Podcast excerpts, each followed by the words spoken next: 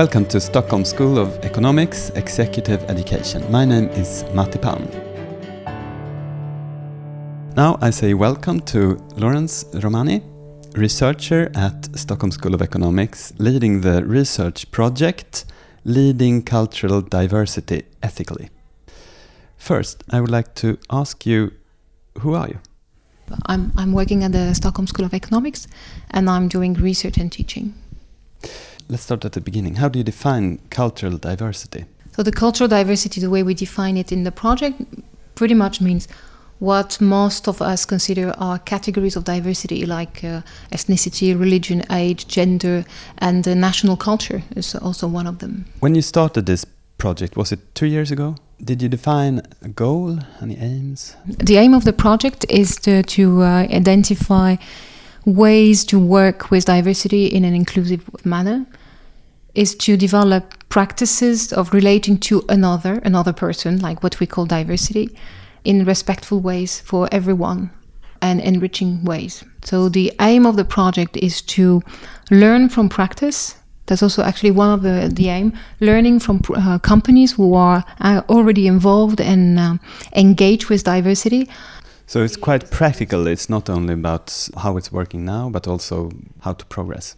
Yes that was the idea so, what was the starting point of the project? The original idea of the project came from the, the uh, that we realized that there are companies that are involved with diversity and they are committed to making a difference. They want to be inclusive and have a diverse workforce, but at the same time, they were not including the people the, as much as we thought they would. So willing to have uh, managers with a foreign background, like uh, 20% or 30% of uh, managers with a foreign background, but then at the same time making that their managers were categorized as you um, ethnic minority manager.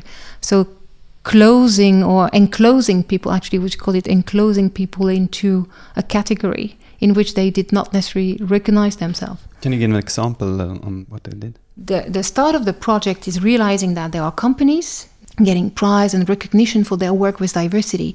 However, when research is coming and studying what they're doing, they find very problematic practices. For example, putting people into boxes, like you are a manager with a foreign background.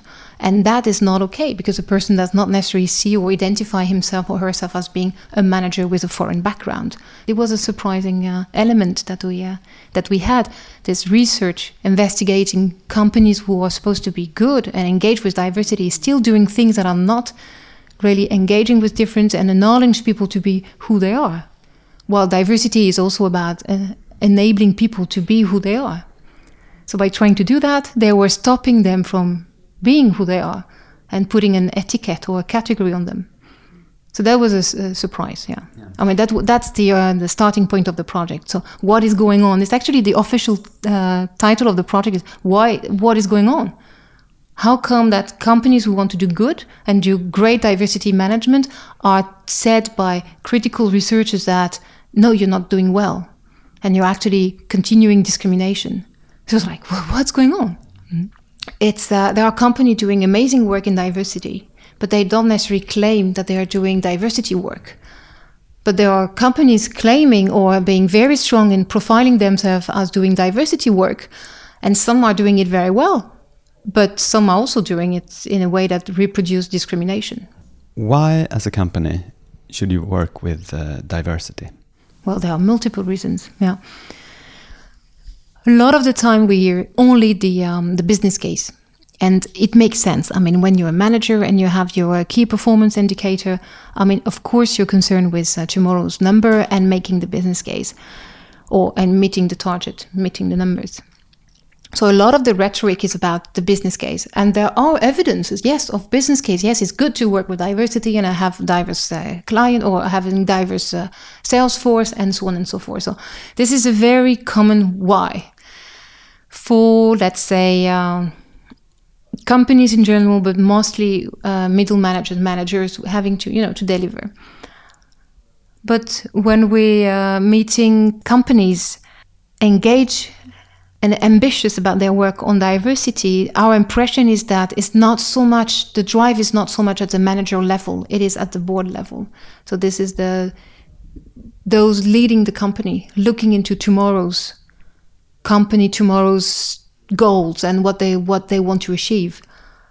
They are doing diversity for another reason. They are doing diversity for the sustainability case. So if you talk about the business case for a certain managerial level, we also see sustainability case at the, uh, the higher level of management. Sustainable, yes, we want our company to survive in a changing environment, therefore we have to adapt. But also, what I find most interesting is that companies are saying, we are a part of this society, we are a stakeholder in society, we have a, a civil responsibility, and we want to take it and we want to work for making this society a more inclusive one. So there are different kinds of motivation. We don't have strong evidence yet. I mean, I mean, we researchers, so of course we have to have the very strong supporting evidence. We're still in the project, but we have this, this different discourses clearly shaping up. And at the lower levels, diversity is um, is maybe presented uh, not so much in terms of immediate benefit for the company or the managers, but more immediate benefit for you as a person. It'll be nicer to work in a team if the, uh, the, the team climate is more allowing and things like that. Okay, but the business cases, can we stay with them? What, what, what can you give examples of more business cases? For example, you have your client are, are very diverse. So if you want to meet your client, understand your client, understand their needs, and understand how they are changing, but if you remain the same, or if you have a very specific sales force, uh, you don't necessarily follow your client or understand them. So many organizations are using the business case as we want to reflect the population or we want to reflect our clients. And so they're changing their sales force, for example, to reflect the client and doing more business. Yes, that's a very typical illustration of a business case. Okay, the sustainability case then. It's not a business case in, in a longer perspective. It's more like we want to change the world? Actually, it's both, because sometimes they. are, I mean, let's start with the, the the they're thinking about the society. Some are considering that their organization is an actor in society. We're employing X number of thousands of people. We have a role to play in that uh, municipality or in that uh, city and we have a responsibility we have a social responsibility and therefore we want to be uh, we want to be inclusive. This sustainability case for some is about being a responsible actor in society playing a role and being inclusive of everyone so that society becomes inclusive and therefore sustainable. Another case of this sustainability is about the um, resilience of the company. So sometimes the business case is not there. You have a market which is not changing much. Your uh, your clients are not changing much. You know, it's not that it's always changing for everyone and all kind of companies and markets. So, but there you see or you hear people saying, well, we still have to become diverse because we are no longer attracting the best talent. So the world is moving and we are staying at the same place and then we're missing out. People do not want to work with us or we are no longer attractive. And that's for the sustainability of the company. They still want to have the best talent to work for them. Do you think that it is a wise decision for, for a company to try to get ahead of this? I mean, the world is changing. Um, yes, you can see that. Uh, you can say you can say that the world is changing, and let's uh, let's um, uh, adapt. Let's change as well and be faster. The idea that you you might have a first mover advantage if you are now opening for diversity and you're capable of hiring from a larger pool of talent. And if you're a company, one of the first to market yourself or position yourself as being an inclusive one, of course you're going to attract a lot of new talent. And if you're the first one doing that, you're going to grasp the best talented people. The first one to do that, yeah. I know that you're not finished with this project, as we said before, you don't only look at the why part, you also look at the how. Mm-hmm. How to uh, be successful at diversity.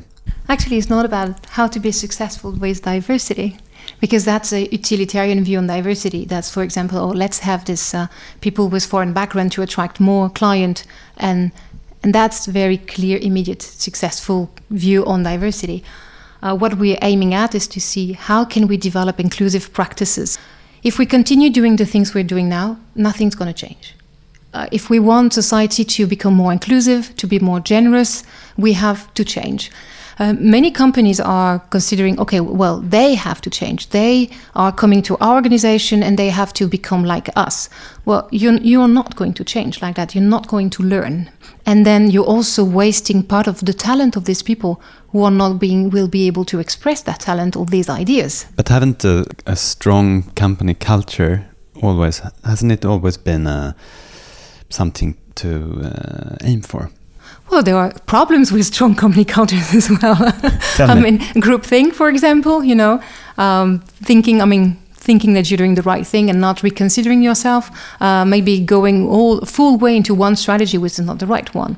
In some companies, they, Mhm. they say, well, we are Yeah. successful because we have a strong company culture. Yes. But uh, a culture is never um, stable in a sense. I know culture is perceived by many or is understood by many as being some kind of resilient and this is there and this is the Swedish culture or it's actually changing all the time, reinventing itself more than we might believe. So it's in relation to the environment, in relation to other organizations.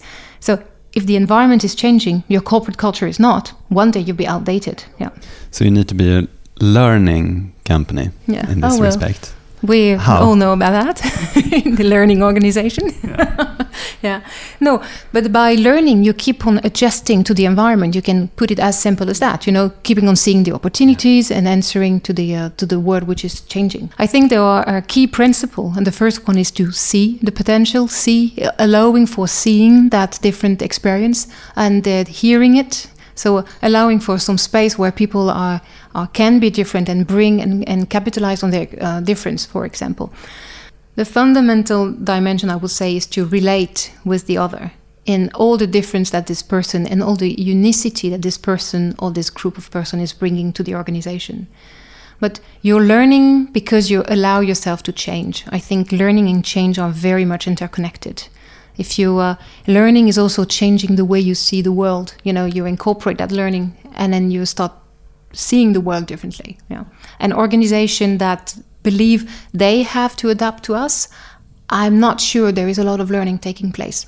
So what, what is the first thing they are learning? if the training they're going through, because actually you cannot start doing diversity work, I would say, without a proper training, without learning about differences and discrimination.